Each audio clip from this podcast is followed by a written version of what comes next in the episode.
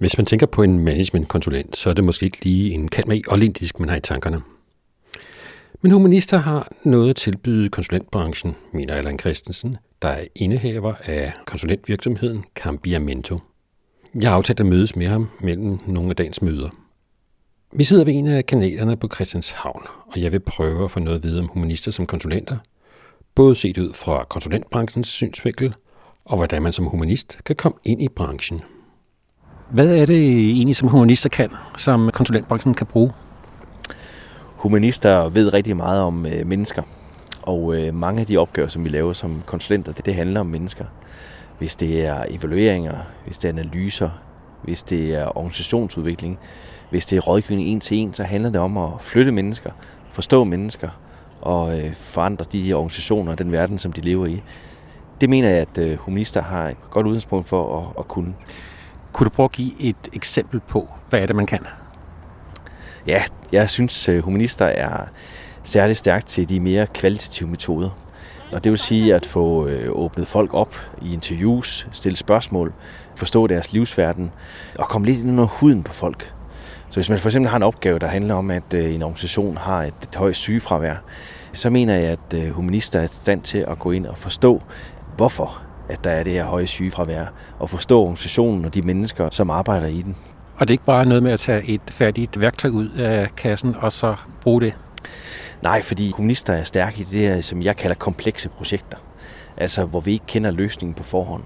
Hvor vi ikke kommer med vores faste modeller, men i høj grad ser verden fra ny af hver gang. Og dermed kommer ind og arbejder med projekter, som vi ikke ved, hvor ender henne fra starten af.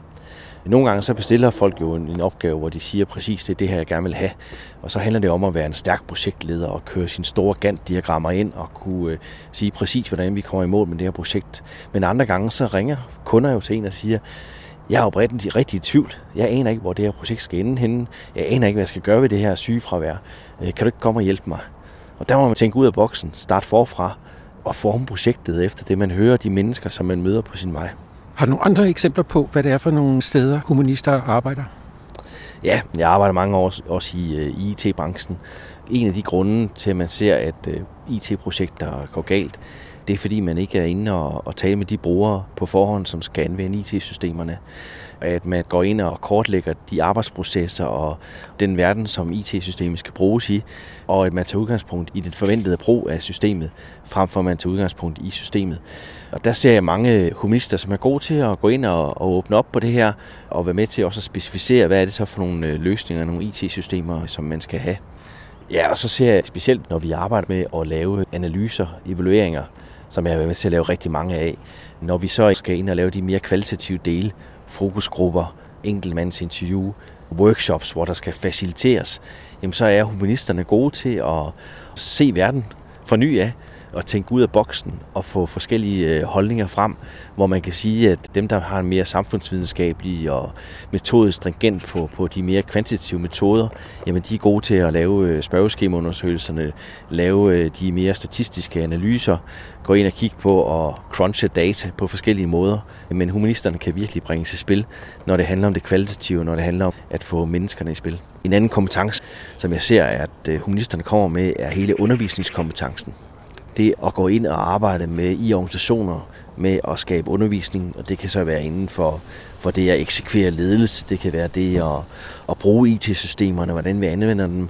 Hele den der pædagogiske kompetence er også en humanistisk grundfaglighed, som kan sættes i spil i undervisning. Så det vil sige ikke bare at få viden om organisationen, men også at få den bragt ud til dem, der sidder i organisationen? Ja, i den grad. Og, øh, og arbejde med det der med at faktisk omsætte analyserne også til at blive brugt. Vi taler alle sammen om det her med at, at eksekvere, og det her med at for eksempel i et strategiforløb at klæde øh, mellemlederne på, så de er i stand til at eksekvere på den strategi, der ligger. Jamen den undervisning og de ledelseskompetencer, der skal bygges op, der synes jeg, at humanisterne har en meget, meget stærk pædagogisk grundfaglighed, der gør, at det kan de være med til at løfte. Humanister, de kommer jo tit med sådan en eller anden lidt specialiseret viden, det kunne være olympisk, det kunne være italiensk middelalderlitteratur. Hvordan kan man få Det ind i øh, at bruge i konsulentbranchen? Det klare svar på det, det er, at det kan du ikke bruge til noget som helst. Det er der ikke nogen, der vil købe. Jeg er, er selv øh, uddannet i italiensk og kommunikation, og jeg har aldrig nogensinde sendt en faktura, der har noget med italiensk middelalderlitteratur at gøre. Det kræver, at man øh, definerer sig selv lidt om, og sige, at det er ikke min faglighed, jeg skal bruge. Der er faktisk ikke nogen, der gider at høre om det speciale, man engang har skrevet. Men kan gå ind og arbejde med og, og sige, at jeg er faktisk en akademisk håndværker. Sådan definerer jeg mig selv. Jeg kan bruge de metoder, jeg har lært, dem kan jeg bruge mere generisk, og dem kan jeg så øh, arbejde med ind i min, de her sammenhænge. Jeg plejer at sige til folk, at konsulenthåndværket, det er 90% metoder. Det handler om at være rigtig, rigtig stærk på det metodemæssige, fordi det er der, vi bliver udfordret. Hvis du ender og lave en evaluering, og bagefter præsentere resultaterne, de måske er lidt politisk betændte, så kan du virkelig blive angrebet på metoden. Du kan blive angrebet på metoden, der hedder, jamen du har interviewet otte personer i organisationen. Er det nok? Er det repræsentativt? Og det er der, hvor du skal være i stand til at gå ind og virke argumentere for, at det metodiske valg, som du har lavet, det er det rigtige. Så humanister, de skal frelægge deres faglige viden og tænke, jeg er virkelig, virkelig god til at forstå mennesker og forstå komplekse sammenhænge, og det er den styrke, jeg har inde i konsulentbranchen. Fordi for os alle sammen, så handler det om at sige, hvor er det, jeg differentierer mig? Hvor er det, jeg har nogle særligt stærke kort som konsulent? Og humanister har det stærke kort, der består i, at vi kan forstå en kompleksitet, vi kan forstå mennesker, og vi kan arbejde ud af boksen i forskellige sammenhænge. Kan man så komme direkte fra universitetet og få det sat i spil? Eller sidder man tit fast i, at nu har man altså den her specialiserede viden, og det er jo egentlig det, som man øh, brænder for? Ja, jeg møder mange af dem, der, der lige kommer ud fra universitetet, og som synes, konsulentbranchen er, er spændende.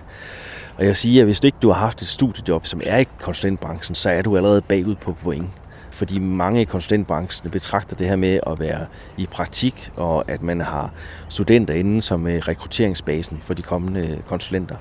Og det er uomtvisteligt lettere, hvis du allerede har haft foden indenfor, og så fået dit første job, også i, øh, i konsulentbranchen.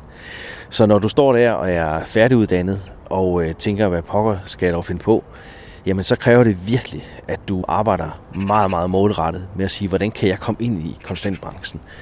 Og du bliver ikke ansat på din baggrund som humanist. Det kræver, at du forstår branchen, at du forstår at sætte det spil, som du er dygtig til, og at du også forstår at tænke i at sige, at okay, konsulentbranchen har også brug for at differentiere sig, så kan du være det kort, der gør, at det firma, som du søger job i, faktisk også får en ekstra kant og kan differentiere sig i forhold til sine, øh, sine konkurrenter.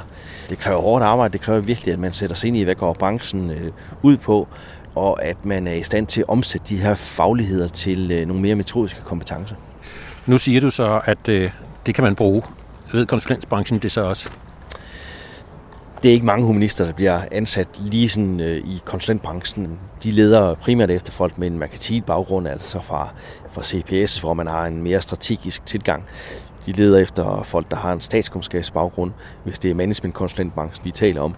Og der er humanisterne ikke det første valg. Jeg har været i Rambøl, jeg har været i NIAS i mange år, og jeg vil sige, at nogle af de dygtigste kollegaer, som jeg har haft, har faktisk haft en, øh, en humanistisk baggrund. Fordi de har givet noget kant til det, man gør som firma.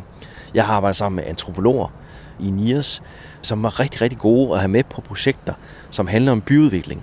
Fordi antropologerne kan sætte øh, mennesker i spil. De kan gå rundt og høre, hvad er det egentlig for et område, som I som beboere har lyst til at, at være i, og hvordan kan vi så indrette det her byområde, eller den her bygning, sådan at den passer også i forhold til, til brugernes behov. Jeg har øh, arbejdet sammen med sociologer, som var fremragende til at gå ind og arbejde med mere kvalitative metoder, og også en række humanister, som jeg brugte i uh, Rambel Management, til at, at gå ind og arbejde mere med de kvalitative metoder. Så jeg vil sige, at hvis man forstår at bringe dem i spil, humanisterne, kan se, at der er nogle muligheder her, så giver det nogle ekstra dimensioner til at, at arbejde som konsulent. Og de er lige så fakturerbare som andre? Ja, det er det, hvis man forstår at sætte dem ind på et hold. Jeg tror ikke, man kan sælge deciderede humanistiske projekter, men man kan lade humanisterne gå ind på et, øh, et team, hvor deres ydelser er lige så meget værd, som, øh, som de ydelser, som ellers bliver solgt. Fordi der er behov for at gå ned og arbejde med kompleksiteten, også i de mere kvalitative dele. Hvad er det så for nogle dele af konsulentbranchen, som humanister særligt kan søge hen til? Hvis man kigger på Dansk Industris oversigt over rådgivningsbranchen, så deler de rådgivningsbranchen ind i 11 delbrancher.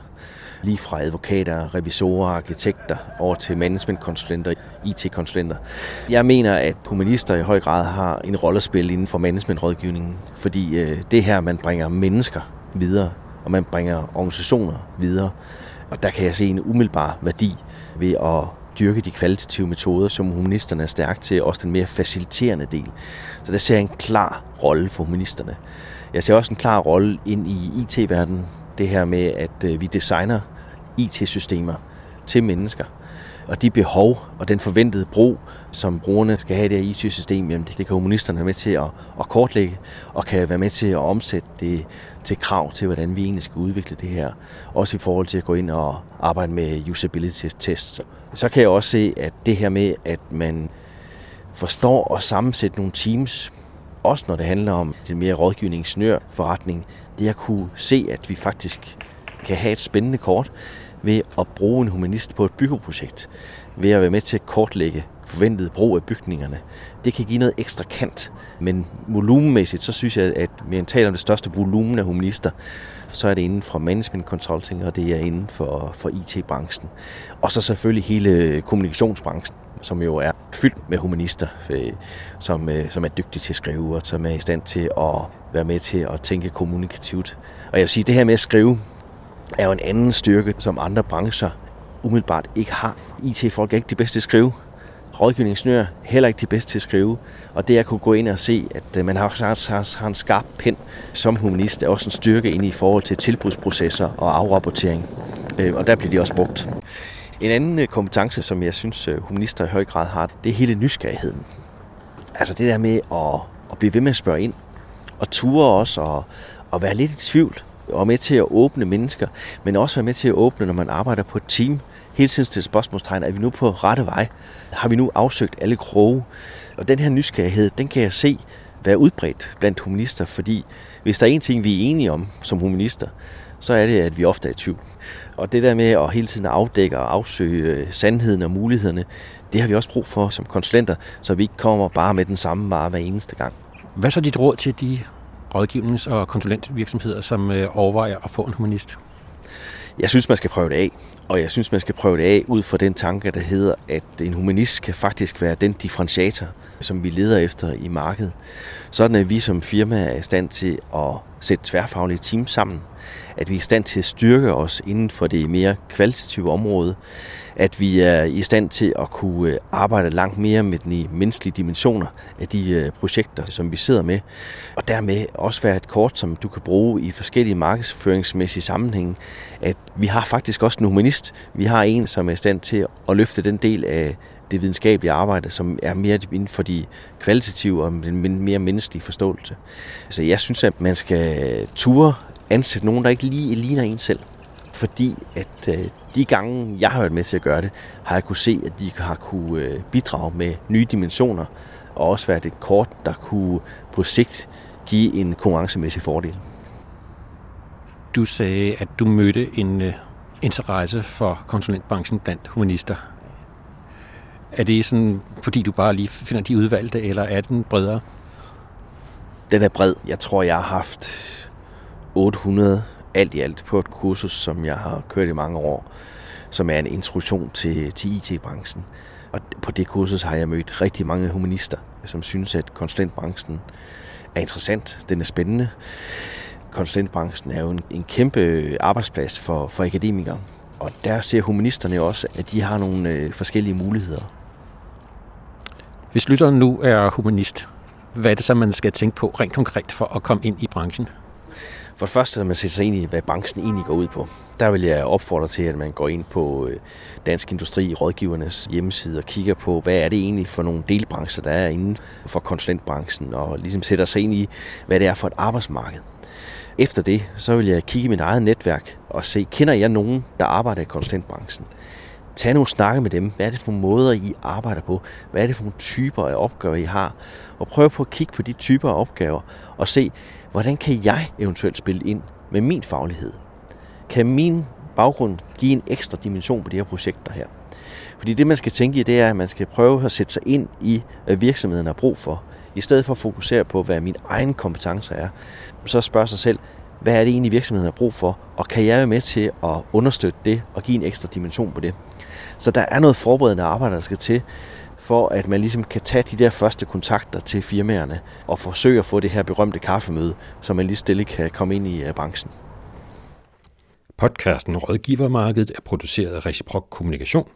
Mit navn er Henrik Moral.